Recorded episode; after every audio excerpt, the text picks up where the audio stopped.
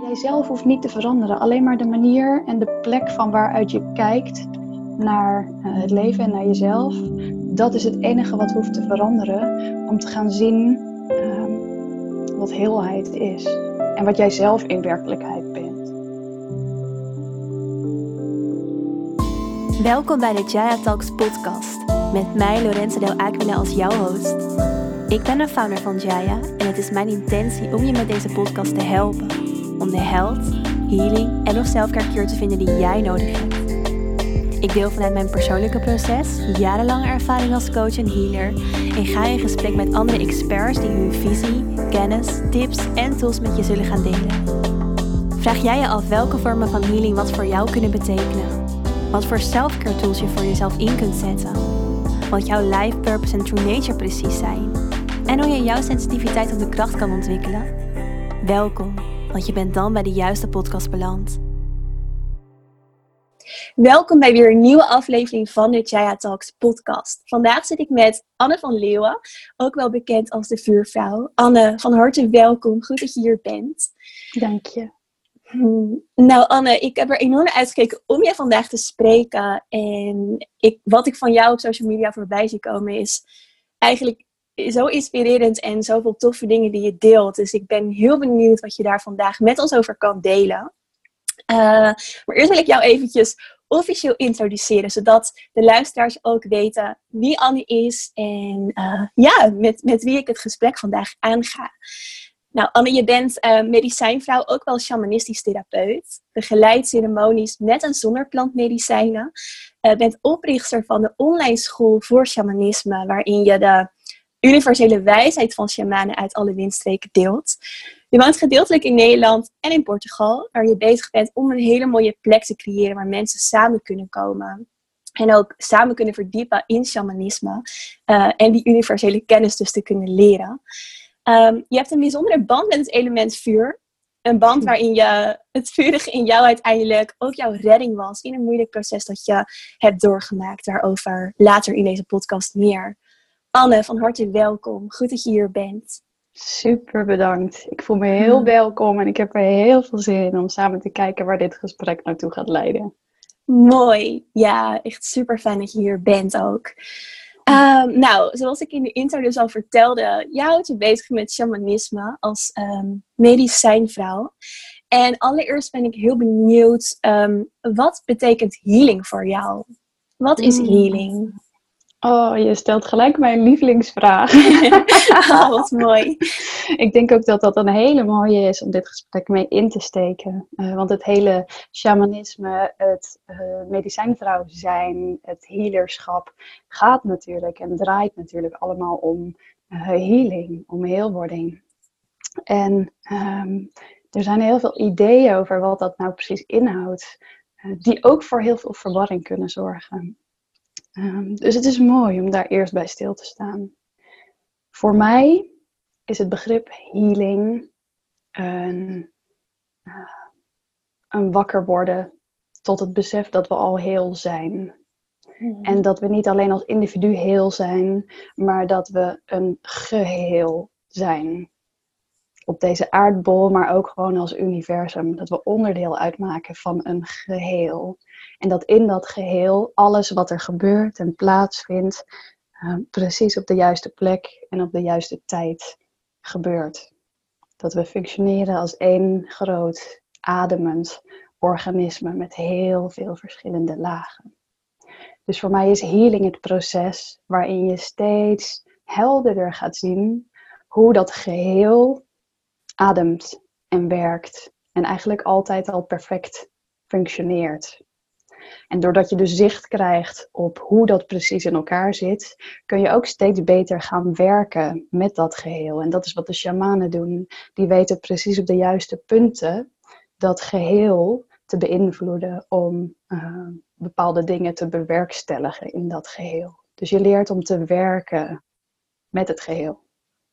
Ja, mooi. Dus is het dan eigenlijk echt ook weer terugkomen bij dat geheel vanuit die afgescheidenheid die heel veel mensen ervaren. Dat is, is dat wat je zegt? Ja, je zegt het heel mooi. Ons hoofd creëert heel veel ideeën over um, over de wereld om ons heen. En we gaan nadenken over wat we anders zouden willen hebben. Ehm, en al dat nadenken en al dat interpreteren en oordelen over wat er om ons heen gebeurt. Ehm, dat zorgt er eigenlijk voor dat we gaandeweg het leven steeds meer vergeten dat alles al met elkaar verbonden is en heel is. Mm, ja, mooi. En je zei van er zijn heel veel, um, of er, er is heel veel verwarring rondom healing. Uh, wat, wat voor verwarring kom jij daaromtrent tegen? Of wat heb je, waar ben je tegenaan gelopen op jouw proces bijvoorbeeld? Ik denk, en dan begin ik echt bij heel vroeger hoor. Want mijn hele mm bewustwordingsproces, uh, dat begon al heel vroeg. En in mijn puberteit um, liep ik al heel erg vast. Waardoor ik echt op zoek ben gegaan um, naar hoe werkt dit nou allemaal. Maar waar ik zelf heel erg tegenaan ben gelopen, is um, al op jonge leeftijd een soort niet, niet thuis kunnen voelen in deze wereld. Mm um, en niet begrijpen waarom er zoveel um, onrecht en zoveel uh, gemeenheid, gewoon op de basisschool al bijvoorbeeld. Hè? Klasgenootjes die elkaar pesten en gemeen zijn. toen kon ik er al niet goed bij. Toen snapte ik dat al niet goed. En uh, toen ontstond er in mij ook al een heel diep gevoel van er is iets mis. Het klopt niet. Uh, en ik denk wel dat dat een essentieel proces is hoor. In het hele proces van bewustwording. Dat je op een gegeven moment denkt er is iets mis. Uh, maar dat, dat idee van er is iets mis met de wereld of er is iets mis met mij.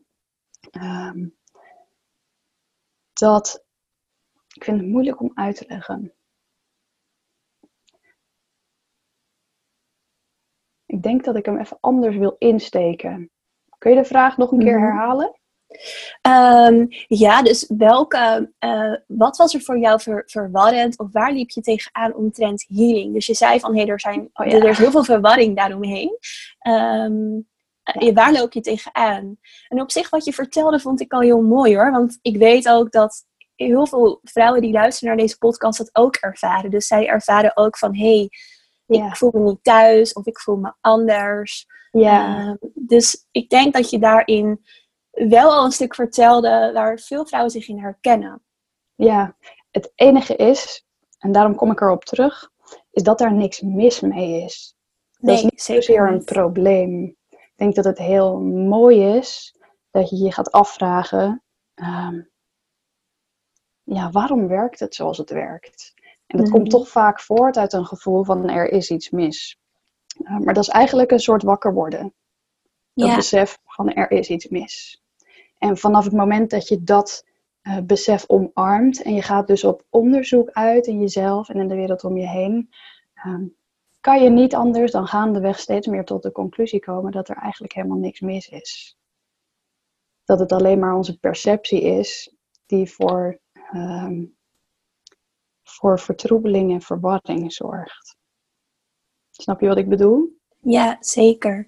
Dus zeg je eigenlijk dat de verwarring uh, die jij nu benoemt, eigenlijk de verwarring is in jezelf op het pad die je tegenkomt uh, op jouw healingspad. Dat het niet ja. per se, ja, dit is ook onderdeel van de verwarring omtrent wat healing dan precies is, maar het is vooral de verwarring die je dus tegenkomt op je pad. Wat ja. eigenlijk denk ik ook een onderdeel is van healing verwarring. Je moet natuurlijk Precies. dingetjes dus losweken als het ware. En, en je moet die verwarring tegenkomen om ook een ander perspectief aan te kunnen nemen. Precies. Dus die verwarring die is essentieel op dat bewustwordingspad. En die verwarring en juist die vraag van, ah, ik snap het niet. Hoe werkt het allemaal en wat is er mis met de wereld? Uh, zorgt voor een wakker worden.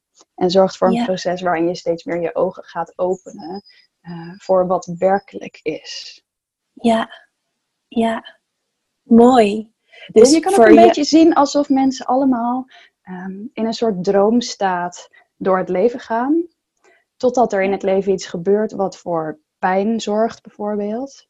En op dat moment dat we heel erg intense pijn ervaren of in een persoonlijke crisis terechtkomen, um, ga je jezelf afvragen: wat is dit voor wereld? Wie ben ik eigenlijk en wat, waarom is het zoals het is? En zo'n crisis is voor heel veel mensen het begin van bewustwording. Waarbij je dus wakker wordt uit die droomstaat en uit de automatische piloot. En waarbij je steeds dieper tot het besef komt hoe het werkelijk werkt. Ja, ja. Dus je zegt van hé, hey, die crisis die, die, die heb je soms nodig om eigenlijk verder te komen of om dat helingsproces aan te gaan. Herken je dat ook vanuit je eigen proces? Kun je daar iets over vertellen?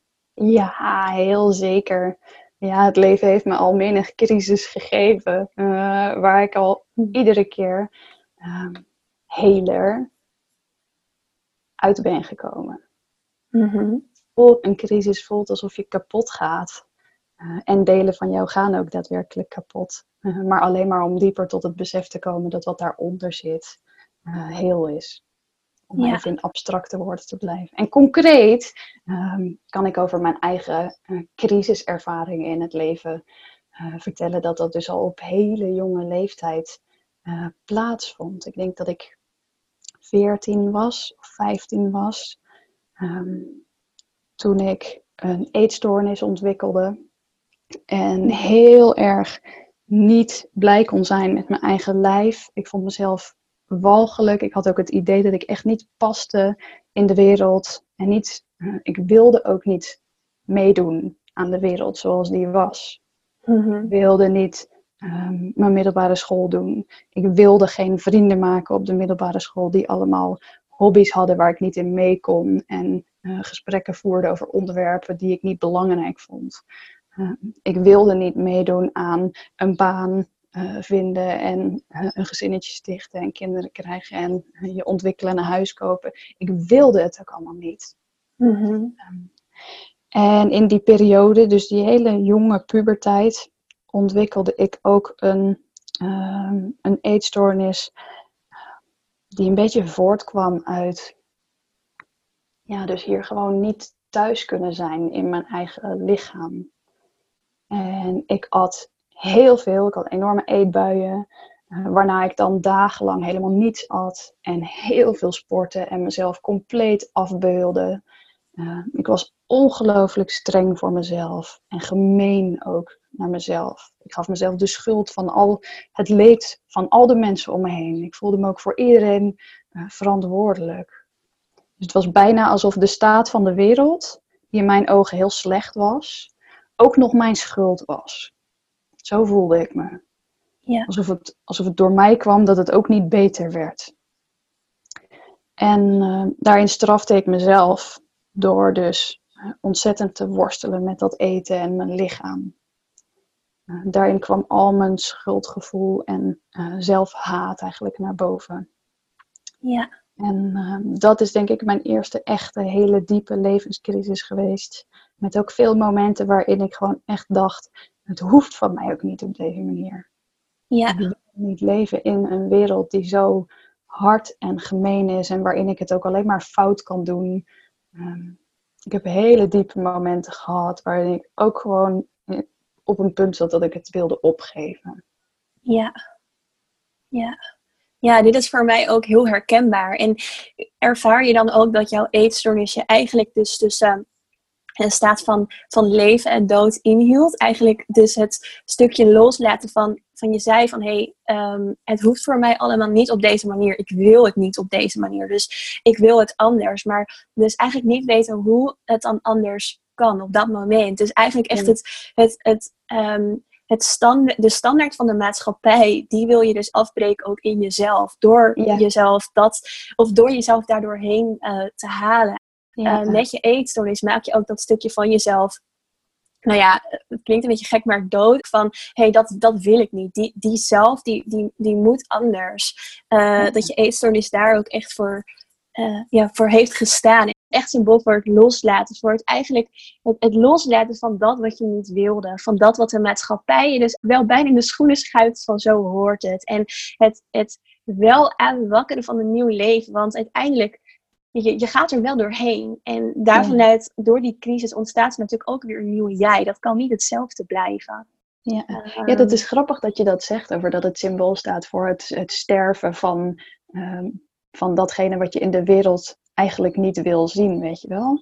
Omdat um, het voor mij de meest zichtbare motivatie voor die eetstoornis op dat moment was dat ik er uit wilde zien als de modellen in bladen en het idee heel erg versmolten was met het idee dat ik dus moest voldoen aan een bepaald beeld vanuit de maatschappij. Ja. En door zo lang en zo diep dat ehm, die versmelting als het ware uh, tot, tot op ziekmakend niveau, uh, kotsend boven een emmer, weet je wel, gewoon echt zien wat het van binnen met je doet. Door dat te gaan zien, door daar op een gegeven moment ineens uh, je ogen voor te openen, dat je zo ver wil gaan om mee te gaan in een idee, dat is het moment dat het idee sterft. Ja. En, uh, en vanaf dat moment werd ook alles anders. Het was een heel mooi moment. Ja, mooi. Dus het was voor jou bijna een specifiek moment uh, waarop ja. je dan dus eigenlijk dat de herstel of die heelheid of nou, een stuk van dat uh, van de eetstoornis ook echt los kon laten van, en weer, weer verder kon. Ja. Ja, dat was een prachtig moment. Ik, ik vind het mooi om hem te, te delen, omdat hij denk ik voor veel mensen ook herkenbaar zal zijn. Ik uh, heb een jaar of twee rondgelopen met die eetstoornis, volledig in het geheim. Niemand wist ervan. En op een dag um, was ik aan het overgeven en uh, kwam er ook heel veel bloed mee. Ik denk gewoon omdat ik zoveel overgaf dat, um, dat er gewoon wondjes in mijn, uh, in mijn slokdarm zaten. Uh, maar daar schrok ik heel erg van. En toen heb ik het dus verteld aan mijn stiefmoeder. Okay. En uh, die nam mij toen de volgende dag mee naar de huisarts om een verwijzing te krijgen voor een, uh, voor een psycholoog. En er waren toen nog geen wachtlijsten, dus ik denk dat ik twee weken later bij die psycholoog zat voor een intakegesprek. En uh, die psycholoog die hoorde mijn hele verhaal aan. Ik zat echt, oh, als een verzopen katje tegenover haar naar mijn voeten te kijken. Terwijl ik vertelde over mijn eetbuien en over hoeveel eten er dan wel niet inging. En er zat zoveel schaamte in mij en zoveel schuldgevoel en zoveel falen. En terwijl ik dat verhaal vertelde, werd ik helemaal meegezogen in dat idee van je doet het niet goed, je faalt in deze wereld. Dus ik verwachtte ook dat toen ik opkeek, na een uur gepraat te hebben, zij haar oordeel over mij zou loslaten. En zou zeggen hoe ik het allemaal verkeerd had gedaan en hoe het wel moest. Maar ik keek haar in de ogen en het maakt me nog steeds emotioneel. Want het enige dat zij zei was: Ach, lief meisje, wat heb jij het zwaar gehad in je leven? Mm. En dat was het enige wat ze zei. En ik brak, omdat ik ineens zag hoe het misschien niet mijn schuld was. Die versmelting ja. met het idee dat het op een bepaalde manier moest, brak op dat moment. En dat het mm. allemaal mijn schuld was, dat brak. En dus ineens gingen ook mijn ogen open. Ja. Mooi. Dus zij gaf jou echt de herkenning ook, die je misschien niet van jezelf kreeg, maar ook niet van de mensen om jou heen. En, en niet van de maatschappij, omdat je dus ervaarde van hé, hey, ik wil dit anders. En met die woorden kon ze jou eigenlijk gelijk de herkenning geven. Um, ja, voor je eetstoornis, maar ook dat het inderdaad niet aan jou lag. Ja, wat zij deed, en, en... Zij, zij gaf mij als het ware een nieuw perspectief. Ja. Ik zat heel erg in versmolten met het idee dat het allemaal aan mij lag. En ze gaf mij ineens een perspectief waardoor ik kon uitzoomen en naar mezelf kon kijken. En kon zien hoe het was gekomen. Hoe ik ja. zo was geworden. En welke ideeën in mij ervoor zorgden dat ik er zo bij zat. Zij gaf mij in één seconde een nieuw perspectief van kijken. En vanaf dat moment ben ik dus ook alles anders gaan doen. Niet dat het in één keer opgelost was, uh, maar ik kon met veel meer compassie naar mijn eigen denkpatronen en naar mijn eigen gedrag kijken. Ja, is dat perspectief voor jou ook waar healing onder andere ook over gaat? Dus ja. het aannemen van een nieuw perspectief, of eigenlijk van het perspectief. Je zei in het begin natuurlijk al over heelheid. Um, en dat hoor ik je nu bijna ook weer zeggen. Van het perspectief kijken van hé, hey, weet je, je hebt gedachten, je bent die gedachten niet. En, en contact maken met die heelheid in jou. Vanuit dat ja. vernieuwde perspectief. Ja, dat zie je heel goed. Dat is exact wat ik bedoel. Ehm, je perspectief. Jijzelf hoeft niet te veranderen. Alleen maar de manier en de plek van waaruit je kijkt naar eh, het leven en naar jezelf. Dat is het enige wat hoeft te veranderen om te gaan zien um, wat heelheid is. En wat jij zelf in werkelijkheid bent. Ja, ja. En als we dan een stap vooruit gaan, hè, vanaf of naar het moment dat jij in aanraking kwam met shamanisme, um, hoe, hoe ben je daarmee in aanraking gekomen? Of hoe is jouw pad vanuit daar verder gegaan? Mm, dat is mooi, want ehm, ik ben al vanaf, uh, ik denk ook die tijd dat ik mijn eetstoornis ontwikkelde. Op de middelbare school voelde ik me dus heel anders. En ik ging ook echt manieren zoeken om me af te zetten tegen wat de rest deed. Uh, dus ik ging me kleden in hele donkere kleding. Uh, ik ging in de pauzes alleen zitten. Heel bewust om er maar niet bij te horen. Uh, en dat was een soort afzetten, maar dat was ook een angst hoor. Ook een angst voor afwijzing. Eh, dus ik ging me heel erg duidelijk anders eh, profileren dan de rest. En onderdeel daarvan was dat ik ook uh, lekker toe kon geven aan mijn eigen rare interesses. Uh, want dat ging over hekserij en over Wicca en over eigenlijk allemaal stromingen waarvan ik nu besef dat was al shamanisme. Mm -hmm.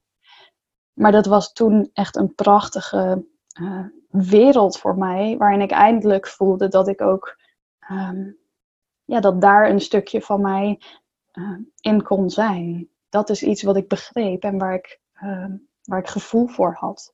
Dus het was eigenlijk ook in diezelfde periode um, dat ik die eetstoornis ontwikkelde, dat ik begon met het verdiepen in het shamanisme en verschillende stromingen shamanisme. Um, ja. Ja, en hoe zou jij even concreet, zeg maar, voor de luisteraar die niet precies weet wat shamanisme dan is, hoe zou jij het vanuit jou, ja, toch vanuit jouw perspectief nu en de kennis die je hebt omschrijven? Welke woorden zou jij aan shamanisme uh, willen geven? Shamanisme, zoals ik er naar kijk, is uh, het werken met bewustzijn. En er zijn shamanistische stromingen over de hele wereld, waarvan de eerste waar we dan aan moeten denken bij shamanisme zijn uh, de Native Americans, zijn de Inca's van het Inca-shamanisme, um, Siberisch shamanisme. Uh, dat zijn hele bekende stromingen van shamanisme, um, die allemaal bezig zijn met uh, bewustzijn en het geheel. Want dat is wel een kenmerk van shamanisme, dat het altijd draait om het zien en het werken met het geheel. En um, er zijn nog veel meer stromingen die niet zichzelf zozeer shamanisme, shamanisme noemen. Um, zoals uh, yoga bijvoorbeeld, tantra, um, ja, hekserij, wicca, druidisme. een heleboel Afrikaanse stromingen waar ik helemaal niks van weet. Uh, maar die wel uiteindelijk allemaal draaien om hetzelfde principe. En dat is die verbinding met het geheel.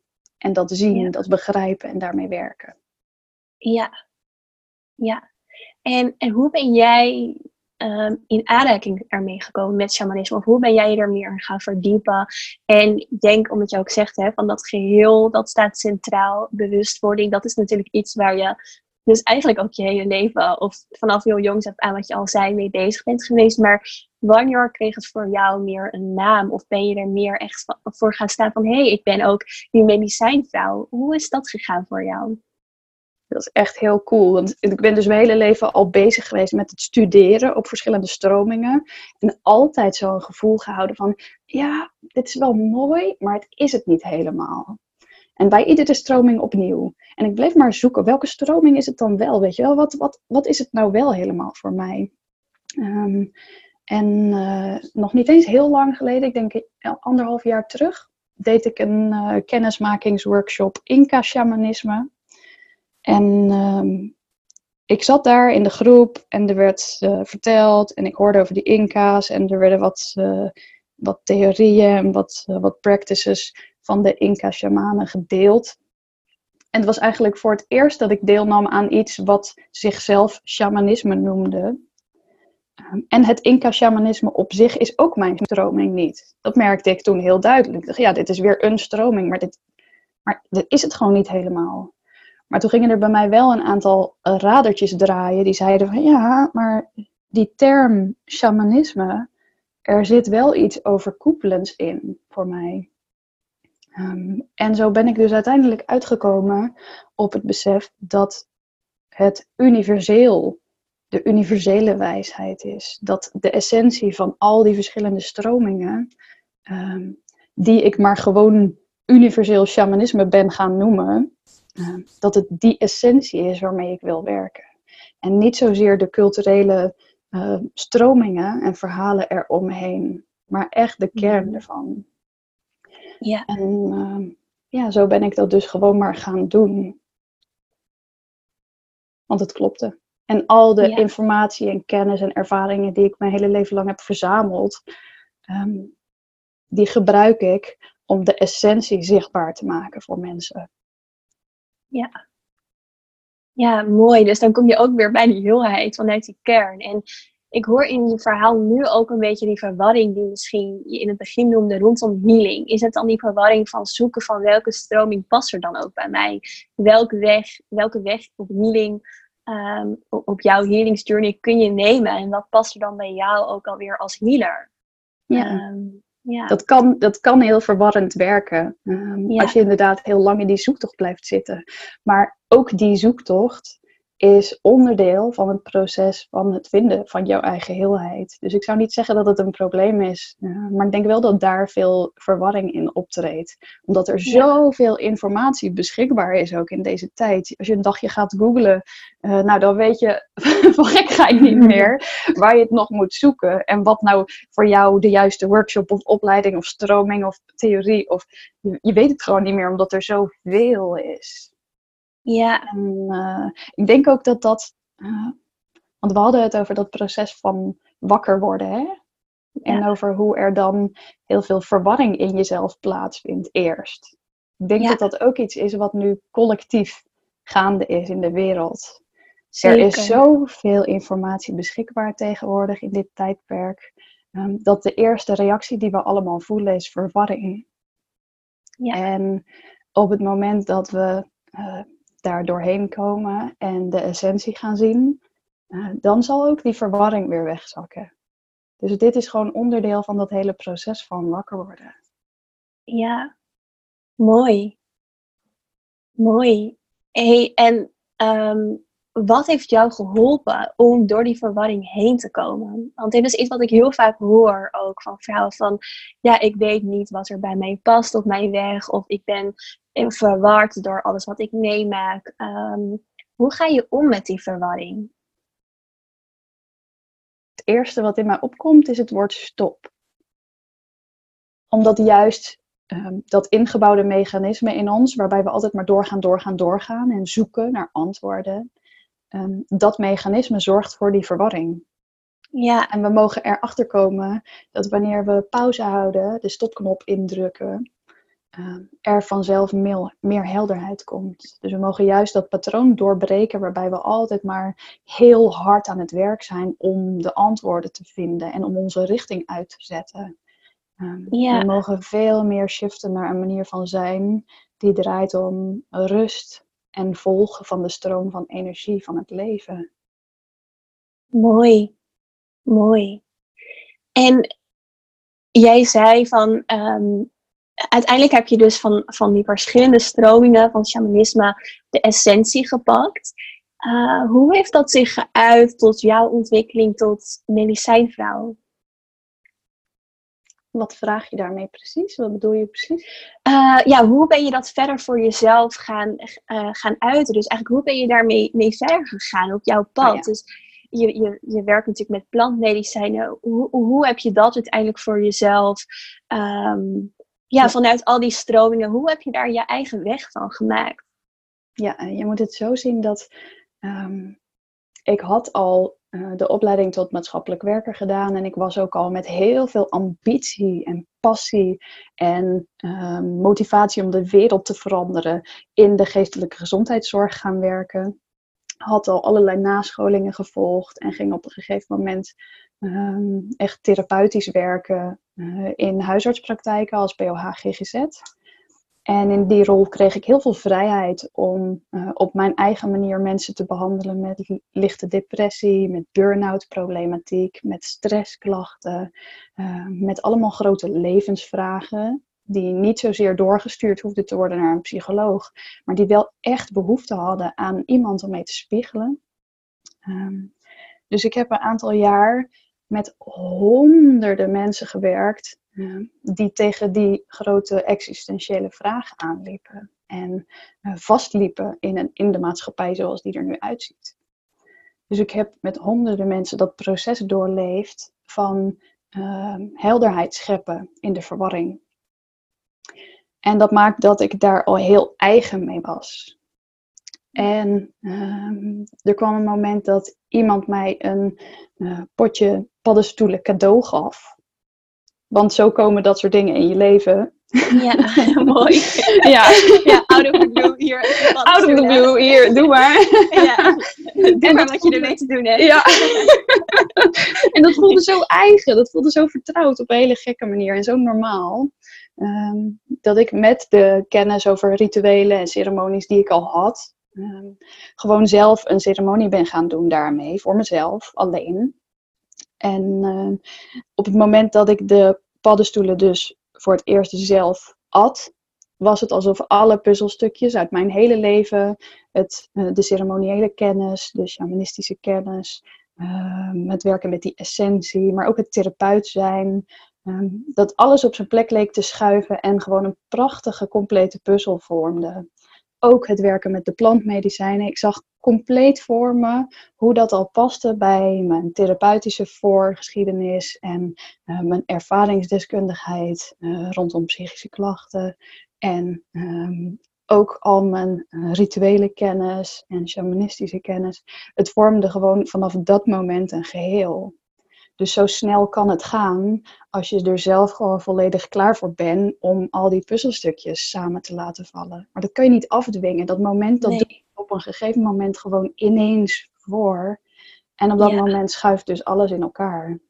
Ja, dus jouw purpose, eigenlijk om het zo te noemen, die vind je niet. Maar die, die vindt jou op het moment dat jij er klaar voor bent. Ja. Dat is eigenlijk wat je zegt. Ja, ja, daar ja. kan je niet naartoe werken. Er bestaat geen manier om dat proces um, sneller te laten gaan dan bedoeld is, als het ware. Ja, ja, ja. ja. ja. En dan ineens is het er. En vanaf dat moment um, ben ik dus gaan uitwerken hoe ik dat wilde gaan doen, dat werken met die plantmedicijnen. En het was heel fijn dat er ook een huisarts op mijn pad kwam, um, die ook affiniteit had met plantmedicijnen, waarmee ik heb kunnen sparren. Uh, en die er ook een eerste ceremonie met een, met een cliënt bij is geweest. Gewoon voor mijn eigen gevoel van veiligheid uh, en medische ondersteuning. En vanaf die eerste ceremonie uh, heb ik heel sterk gevoeld, ja, maar ik weet waar ik mee bezig ben. Ik ken dit medicijn en ik ken de reacties in mensen, omdat ik ook al zo bekend ben met dat therapeutisch werk op heel diep existentieel niveau. Ja. Dus uh, vanaf dat moment wist ik 100% zeker dat wat er ook zou gebeuren in ceremonies, ik toegerust was om daarmee te dealen. En ja. dat hele diepe innerlijk weten heeft ervoor gezorgd dat ik vanaf dat moment gewoon mijn praktijk heb geopend. En dat het ook in één keer is gaan lopen.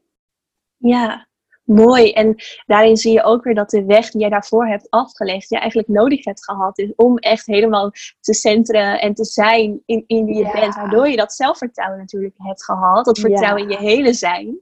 Om dit te kunnen doen. Ja, want het is belangrijk om ook te zeggen dat ik ook twee jaar heb gesukkeld met een eigen praktijk. Ik wilde al een coachingspraktijk starten, omdat ik het werken in loondienst niet meer, dat voelde niet meer kloppend. Dus ik heb ook twee jaar lang gepro geprobeerd om een coachingspraktijk op te richten. En dat liep voor geen ene meter. Dan had ik een keer een klant. Um, en dat was het. Verder was het heel hard trekken en proberen. En heel erg veel promoten. En heel erg veel doen. En heel veel uitzoeken. En nou, vooral trekken.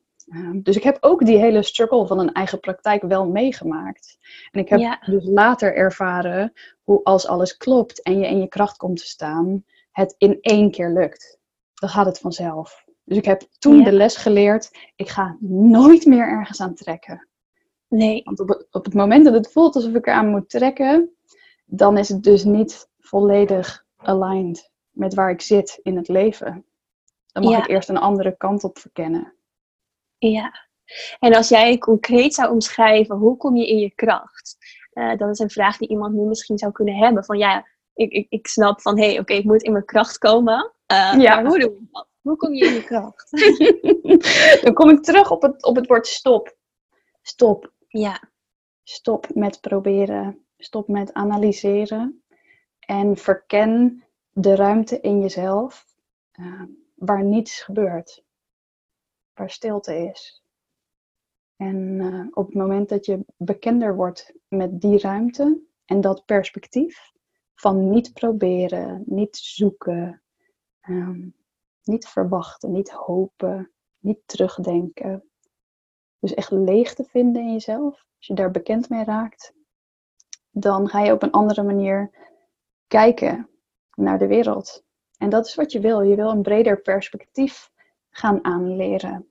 Zodat je meer kunt gaan zien en ook beter kunt gaan zien wat jouw rol in het geheel is.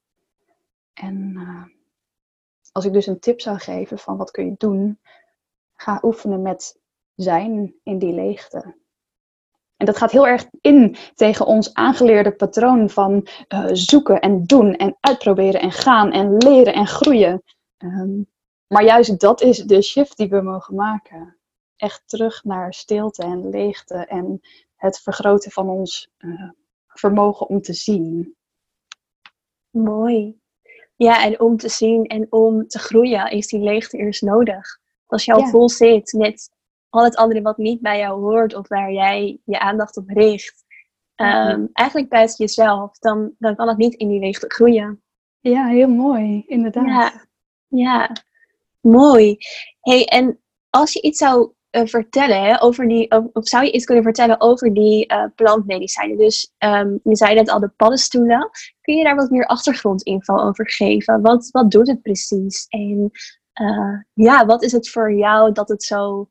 Waarom is dit jouw medicijn? Oh, dit is echt zo. Ja, nu, nu ehm, maak je iets open in mij. ehm, waar ik echt zoveel liefde voor voel. Dus ik ben heel blij dat je die vraag stelt. Als je kijkt naar de rol van paddenstoelen, of eigenlijk het mycelium, want dat is het, het organisme, en paddenstoelen zijn slechts het voortplantingsorgaan van het, van het ondergrondse mycelium. Ehm, als je kijkt naar de functie van het mycelium in het natuurlijke ecosysteem van de wereld, ehm, dan zie je dat het mycelium als het ware de, de connector is, of de verbinder is tussen alle levende organismen. Iedere plant en ook ieder dier leeft in symbiose met het mycelium. We ademen ook sp- paddenstoelensporen in met iedere inademing die we nemen. Eh, dus ook wij zijn volledig geëvolueerd in samenwerking met de paddenstoelen en het mycelium. En hetzelfde geldt voor alle bomen, alle planten. Die gebruiken ook letterlijk het ondergrondse mycelium om met elkaar voedingsstoffen en informatie uit te wisselen. Dus je kan het mycelium zien als een soort internet van de natuur. Van het, van het natuurlijke wezen van Moeder Aarde. Ehm, en op het moment dat je paddenstoelen of truffels, die echt uh, myceliumknolletjes zijn, ehm, als je die eet, dan maak je als het ware verbinding met dat netwerk van Moeder Aarde. Dus ineens ben je in staat om ehm, de verbinding waar te nemen tussen alles. Je wordt in één keer deel van het geheel. Op een bewust niveau, want we zijn natuurlijk al deel van dat geheel. Uh, maar we nemen dat in het dagelijks leven niet waar, doordat we nog zoveel denken en zoveel bezig zijn met wat er om ons heen gebeurt en wat er in ons gebeurt. Um, maar met paddenstoelen maak je dus op een bewuste manier verbinding met dat geheel, waardoor je het ook kunt waarnemen. En dat is een heel bijzondere en vaak ook levensveranderende ervaring, omdat je niet alleen weet na die ervaring dat je deel bent van het geheel, maar je hebt het gevoeld en je hebt het gezien. Ja. hoe zou zo'n waarneming eruit kunnen zien? Wat, zou, wat zijn ervaringen? Kun je daar iets over vertellen? Ja, dat is echt per persoon heel erg verschillend. Ehm, omdat de, uh, de paddenstoel spreekt aan wat je al aan kennis en, ehm, en visie en dingen in huis hebt. Dus je leert niks nieuws van de paddenstoel, maar die maakt gebruik van wat je al weet uh, om je te laten zien hoe het werkt.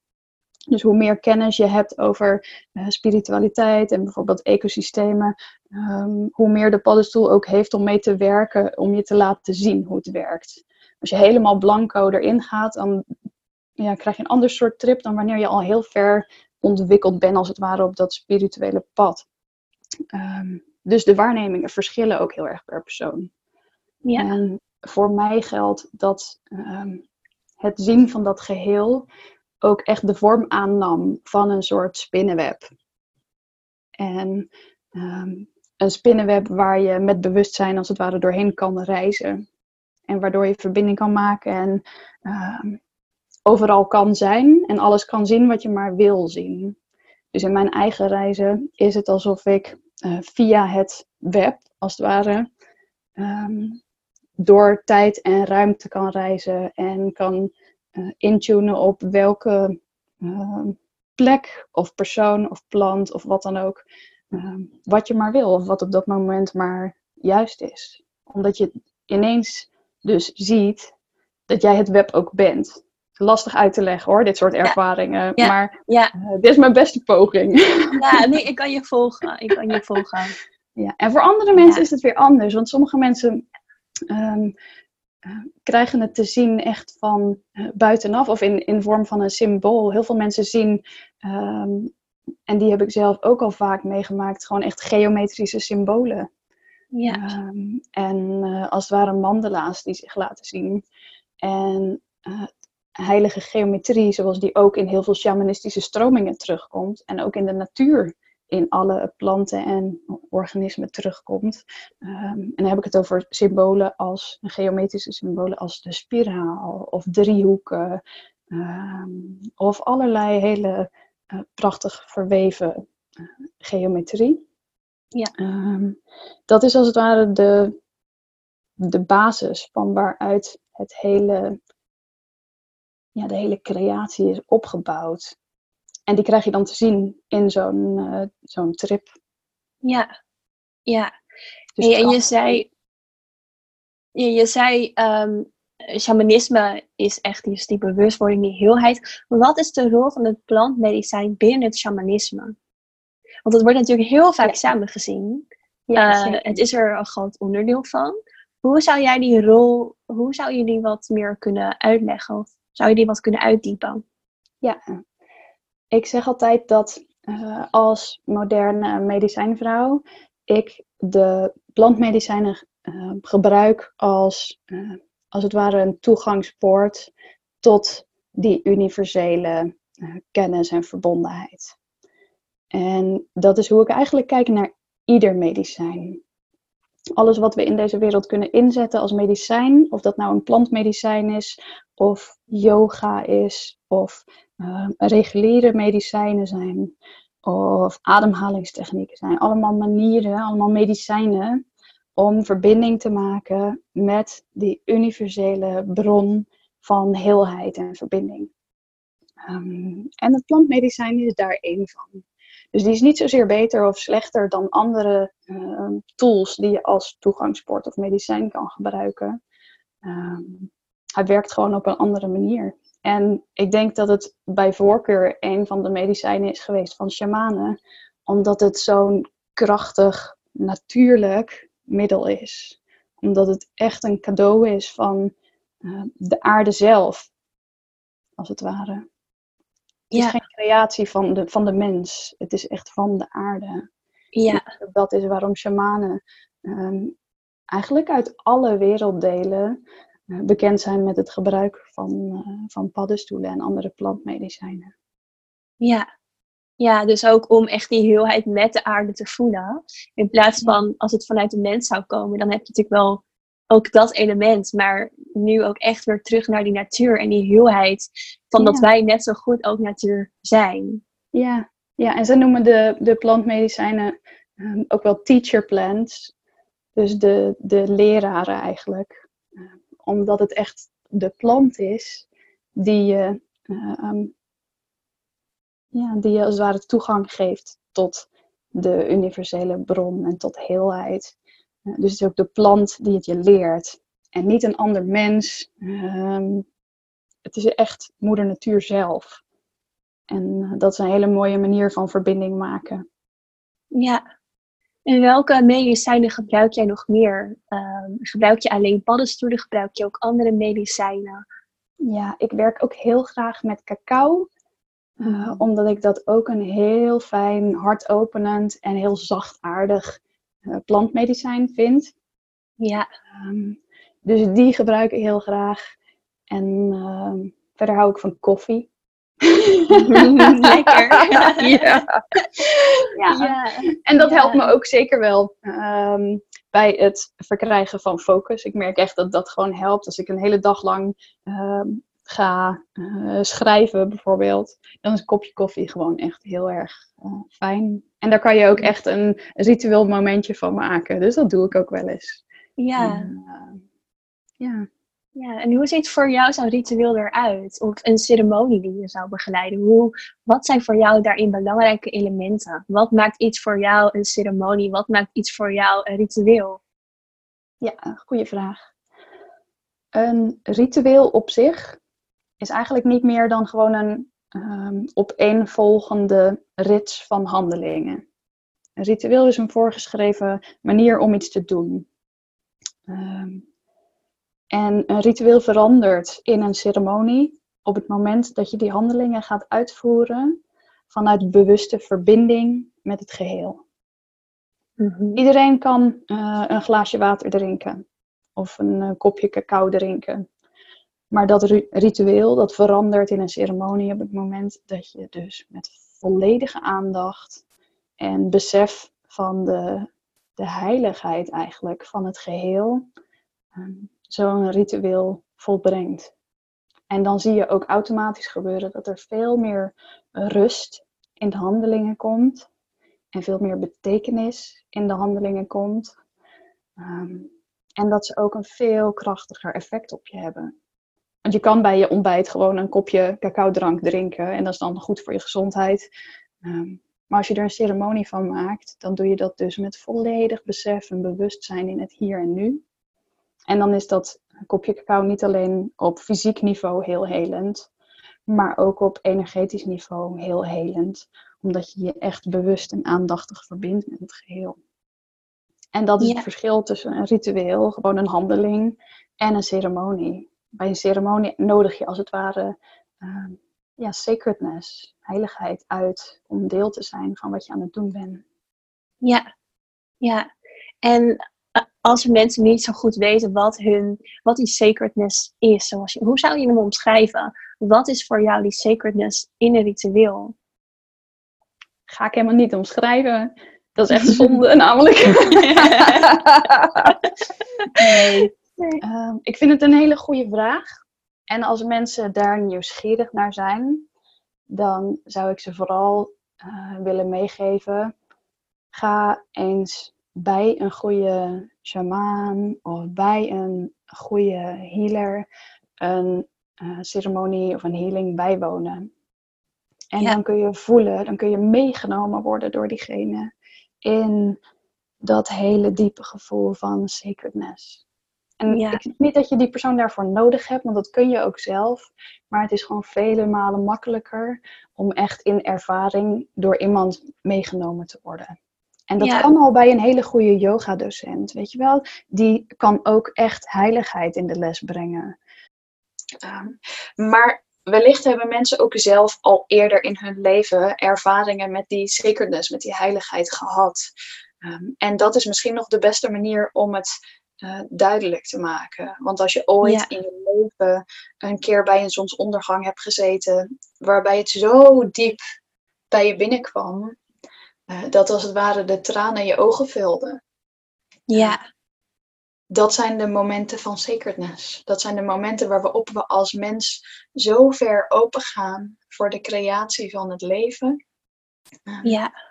Dat er als het ware geen onderscheid meer is tussen jou en de rest. En dat je er zo in opgaat dat in één keer de volledige magnitude van de schepping je hart vult.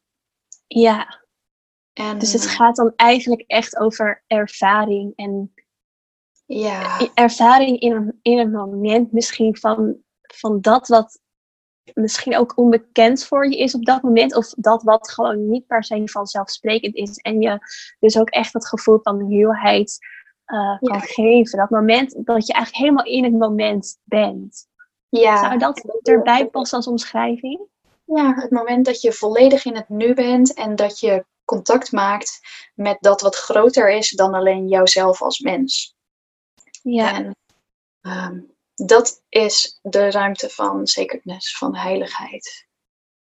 Ja, mooi. Ja. Mooi. Ja, ik denk echt dat er geen mooiere ervaring is voor ons als mensen dan dat op een bewuste manier meemaken en daar ook steeds meer in gaan zijn en ook steeds meer mee gaan werken en ook dat steeds meer met elkaar gaan delen en verspreiden. Ja, ja. Hey, en in hoeverre speelt intentie daarin een rol? Dus de intentie van uh, waarin je, waarop je bijvoorbeeld een ritueel of een ceremonie doet of ingaat. Ja, dat is een ongelooflijk uh, belangrijk onderdeel daarvan. Ja, je intentie is als het ware um, de mate van focus die je hebt in het hier en nu. Als je een hele heldere intentie hebt, dan kan je veel meer focussen en ook begrijpen uh, wat er in het hier en nu plaatsvindt. En uh, het is best een kunst om een heldere intentie te zetten omdat er ook altijd zoveel menselijke beweegredenen uh, meespelen in wat we doen in het leven en waar we voor kiezen in het leven en welke situaties we opzoeken. Er zitten vaak hele menselijke verlangens en uh, en pijnen achter, die als het ware een soort verborgen agenda's zijn in wat we doen. Ja. En het hele proces van een heldere intentie zetten gaat erover om al die menselijke beweegredenen ook boven tafel te krijgen, zodat die niet langer je uh, verbinding met het geheel, als het ware, uh, in de weg zitten. Ja, mooi. Mooi. En dan hou je dus, dus een hele zuivere intentie over, die niet meer gaat om jouw persoonlijke verlangens of jouw uh, persoonlijke pijnen of uh, patronen, maar die echt gaat over wat je in het hier en nu wil contacteren. Ja, ja. Ja, dus intentie is echt een key element om die sacredness ook te kunnen ervaren. Ja, zeker. Ja. Want op het moment dat je contact gaat maken, bijvoorbeeld met die sacredness, vanuit een intentie um, van bijvoorbeeld uh, wanhoop of je purpose willen leren kennen. Als ja. dat je intentie erachter is, um, dan gaat het niet werken om contact te maken met sacredness. Je maakt dan contact met um, de wanhoop in jezelf. Ja, ja. Dus het is heel ja. belangrijk om die intentie te verhelderen en uh, zo zuiver mogelijk te maken in liefde. Ja, en, en hoe maak je die zo zuiver mogelijk? Door dus al je eigen uh, beweegredenen en verborgen agendapunten boven tafel te halen. Ja. Al die menselijke dingen heel eerlijk, oprecht in de ogen te kijken. Zonder ze te veroordelen of zonder er iets mee te moeten, zonder het te willen wegwerken. Maar het gewoon in ieder geval leren kennen van jezelf. Ja, ja dus echt dat hele healingsproces eigenlijk ook weer Um, en, en, de verwarring die daarbij hoort. En jezelf echt kennen. Ja, het en komt met allemaal alles terug op, wat je bent. Dat, ja. ja, ja, mooi. Mooi. Ja. Hey, en Anne, nog even een hele andere vraag. Of andere vraag niet. Maar jij zei van... Um, je, je, hebt je niet thuis gevoeld. Heel lang in, in de wereld, in de maatschappij. Uh, misschien wel ook in Nederland. En nu ben je dus heel veel in Portugal. Wat ja. maakte voor jou dat Portugal je zo trok? Of wat voor verschil heeft dat voor jou gemaakt? dat is echt een heel grappig proces geweest. Ik heb altijd zo'n beetje een verlangen gehad ergens, of een, een drive in mezelf gehad om ehm, in het buitenland iets te gaan doen. Gewoon omdat ik uh, in Nederland te weinig wilde natuur voelde. En dat trekt mij gewoon heel erg. Niet nergens. Heel herkenbaar. Dan, dan wildernis. ja. en dat, dat miste ik hier gewoon. Dus um, zodoende ben ik ook eigenlijk mijn hele leven al een beetje aan het uitkijken geweest naar een plek waar het mogelijk zou zijn om een, ja, noem het een spiritueel centrum, noem het wat je wil, um, om zoiets te gaan opzetten. En we zijn in uh, Portugal terechtgekomen. In eerste instantie puur en alleen omdat de grondprijs daar gewoon zo belachelijk laag ligt. Um, Dus om die reden zijn we in de uithoek van Portugal, waar we nu zitten, gaan kijken naar uh, stukken grond en ruïnes. Omdat het daar gewoon heel erg betaalbaar was.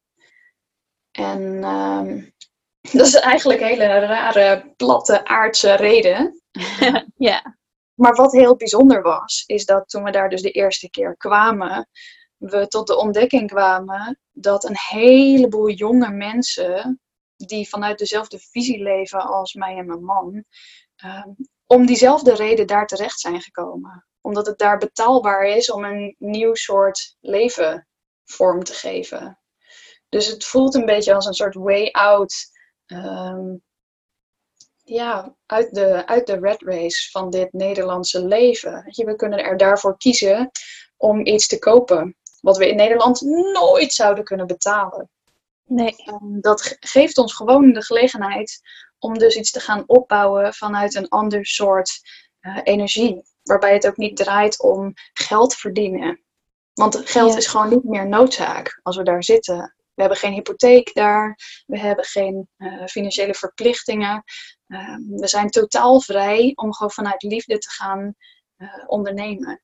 En dat maakt dat er een heel andere drive zit achter alles wat we doen. En dat zich dus ook gewoon een totaal andere eh, manier van leven manifesteert. Ja, en maak je daar dus eigenlijk een brug tussen juist het menselijke en of, of aardse eigenlijk en, het, en de rest van het, um, het universum, het, het leven vanuit liefde, zoals je het ook al benoemde. Van oké, je zorgt er dus eigenlijk voor dat, um, ja, dat je de behoeften die jij als mens hebt in deze menselijke ervaring, dat je die hebt en dat je, die, dat je daar geen zorgen hoeft voor, over hoeft te maken. Waardoor er dus ook ruimte ontstaat om een laag dieper te gaan. Ja, precies dat. Ehm, want je kan natuurlijk uh, het hele spirituele uh, willen gaan manifesteren in een, uh, een business hier in Nederland.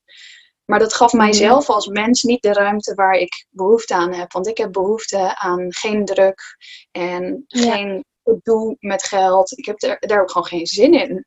Dat voelt voor nee. mij niet leuk. En ik wilde dat dus doen op een manier die voor mij leuk en licht en gewoon lekker is. En door juist ervoor te kiezen, gewoon heel simpelweg, um, in zo'n uithoek een groot stuk land te kopen, geven we onszelf zoveel financiële vrijheid en ruimte om in te spelen. Uh, dat dat gewoon heel erg uh, juist voelt en heel goed voelt. En daarnaast hebben we daar dus een hele community van mensen gevonden die dat ook doen. En die ook daar bezig zijn om een leven vorm te geven dat veel meer past bij uh, hoe ze kijken naar de wereld. En er zijn dus veel mensen die zelfvoorzienend bezig zijn en veel mensen die uh, bezig zijn om het ecosysteem juist nieuw leven in te blazen en te versterken. Uh, er zit een enorme groep van wel duizenden buitenlanders die precies naar die plek zijn mm. getrokken vanwege de lage grondprijzen. Mooi. en die daar dus iets nieuws aan het doen zijn. En dat is ook zo'n thuiskomen voor mij. Dat is zo'n uh, familiegevoel, omdat je allemaal vanuit ja. dezelfde intentie eigenlijk bezig bent om iets neer te zetten. Mooi. Ja. ja, en ik weet ook dat heel veel vrouwen um, ook mee worstelen van hoe kun je dus je eigen pad gaan trekken en eigenlijk een beetje je toch wel losbreken van de standaard van de maatschappij. En ja, ik heb dat zelf ook natuurlijk een heel proces in afgelegd met het voornamelijk in Thailand gaan wonen.